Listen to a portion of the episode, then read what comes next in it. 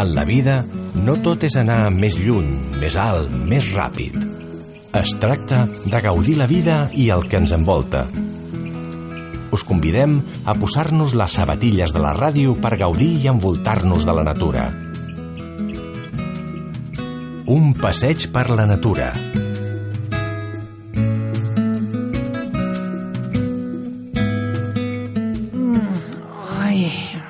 Quines són.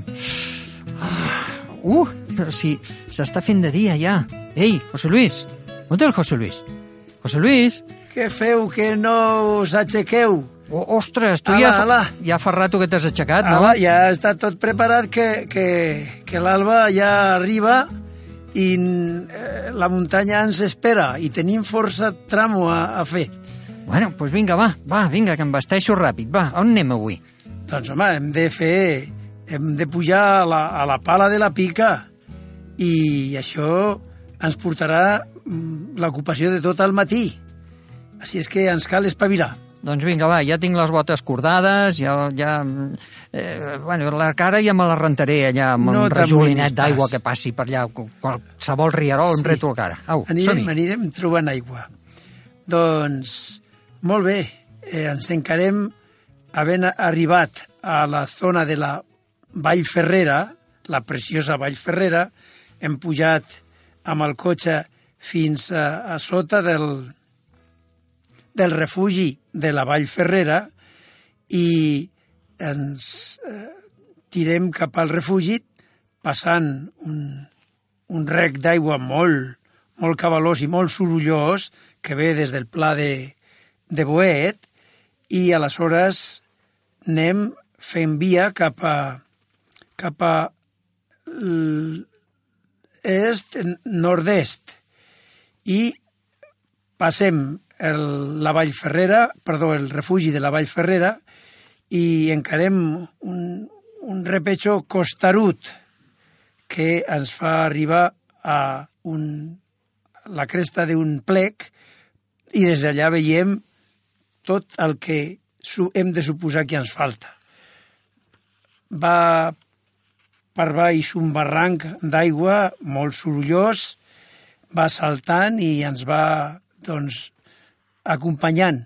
I nosaltres, per la vora de la carena, cap endavant, cap endavant, barranc amunt, fins a arribar a unes eh, replans en els que hi ha aigües tortes, també hi han vaques, i nosaltres estem gaudint d'aquest extraordinari paisatge tot i que anem doncs, carregats perquè portem la tenda, la motxilla i la impedimenta de dos dies. I, I quan esmorzem? O Eh, encara no, no, no. esmorzem?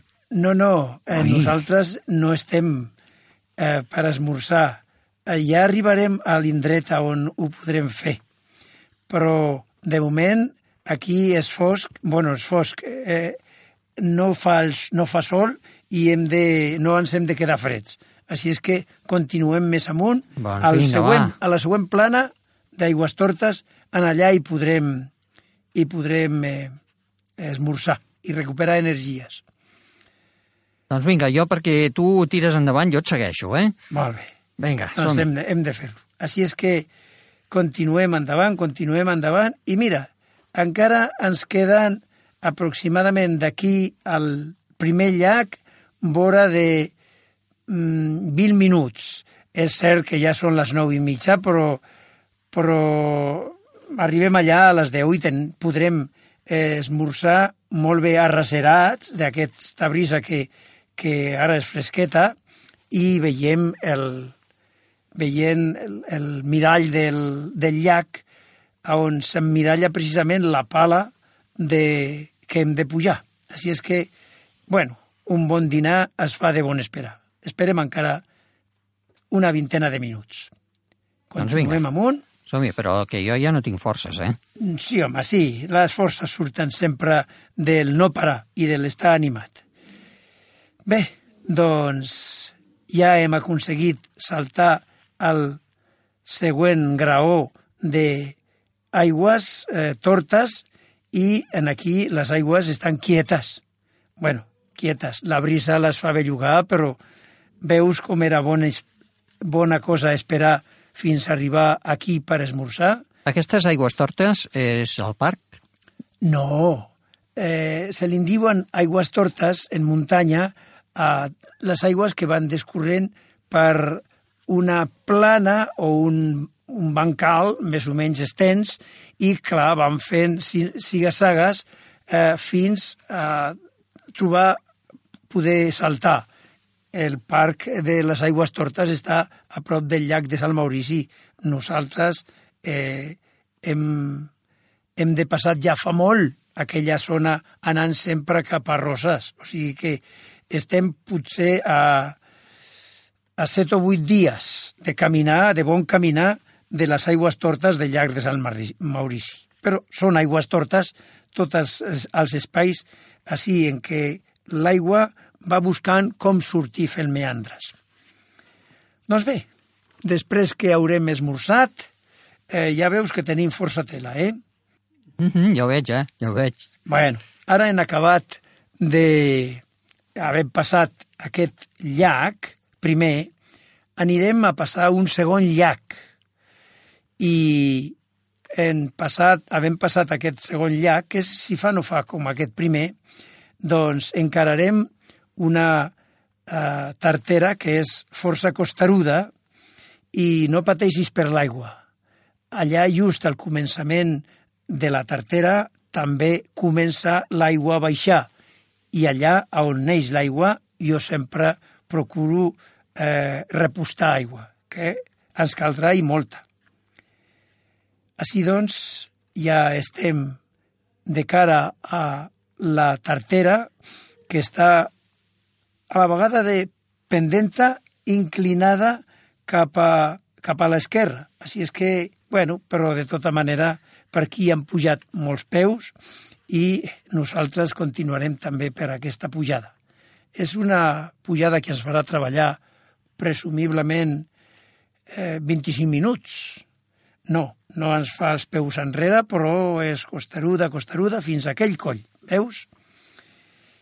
En aquell coll podrem veure a l'altra banda un llac, ja de França, perquè arribarem més o menys per la, per la ratlla de França, com està dit.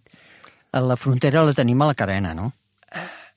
No, va traspassant tots els sí, pics, totes les carenes. Efectivament, però no la carena, no la carena de la pala de la pica d'estats, sinó la següent carena. És a dir, el llac aquest, eh, jo he sentit que, que és de França, però, però no, no he sentit per allà parlar francès.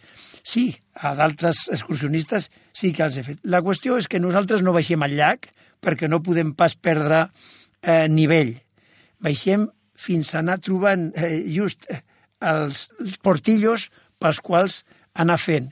I anar fent un barranc que ve des de la pica d'estats cap a, cap, a, cap a França, certament, és a dir, cap al nord-est. I en allà nosaltres anirem pujant, trepitjant unes vegades neu, la neu que encara no s'ha fos, la neu del, del, de l'Obac, i, i anar seguint aquest camí, un caminet que va sempre per, per pedra i terra de, de la que ha anat trencant el glaç. O sigui que d'herba no en veurem pas gaire. Uh -huh. eh, hi ha un, un fenomen. Quan ens queda encara un trosset per arribar, no? Eh, sí, tenim, tenim una hora i mitja fent-lo bé, sí. Hi ha un, un fenomen que els que no hi entenem massa de muntanya eh, observem, que els arbres arriben fins a un punt. A partir d'un punt ja no hi ha arbres. Està clar. Això és que no els, no els sembren o no creixen, no... a què es deu, això? No, no poden pas créixer. I l'herba s'espera a créixer quan s'ha anat la neu, quan la temperatura és una mica favorable i troben algun raconet en el qual s'ha anat aturant la pols o la, o la terra, perquè, és clar, a les pedres tu no la pots pas veure, i això és, és un camp tot, tot de pedres.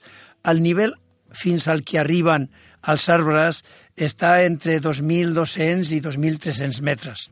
I, i aquí estem doncs, eh, en 3.000, eh, ratlla de 3.000, perquè la pica d'estats té 3.143 i encara ens queden, doncs, sí, estem sobre 3.000 metres. Doncs anem a fer una aturada i seguirem en el proper programa. Mentrestant, descansem aquí, recuperem forces i després tirarem cap endavant.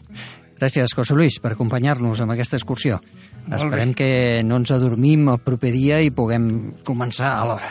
Sí, Gràcies. molt bé. I gràcies a tots vosaltres per acompanyar-nos en aquesta excursió d'avui també. Soc en Jordi Abat, us he parlat amb molt de gust i us espero en el proper programa.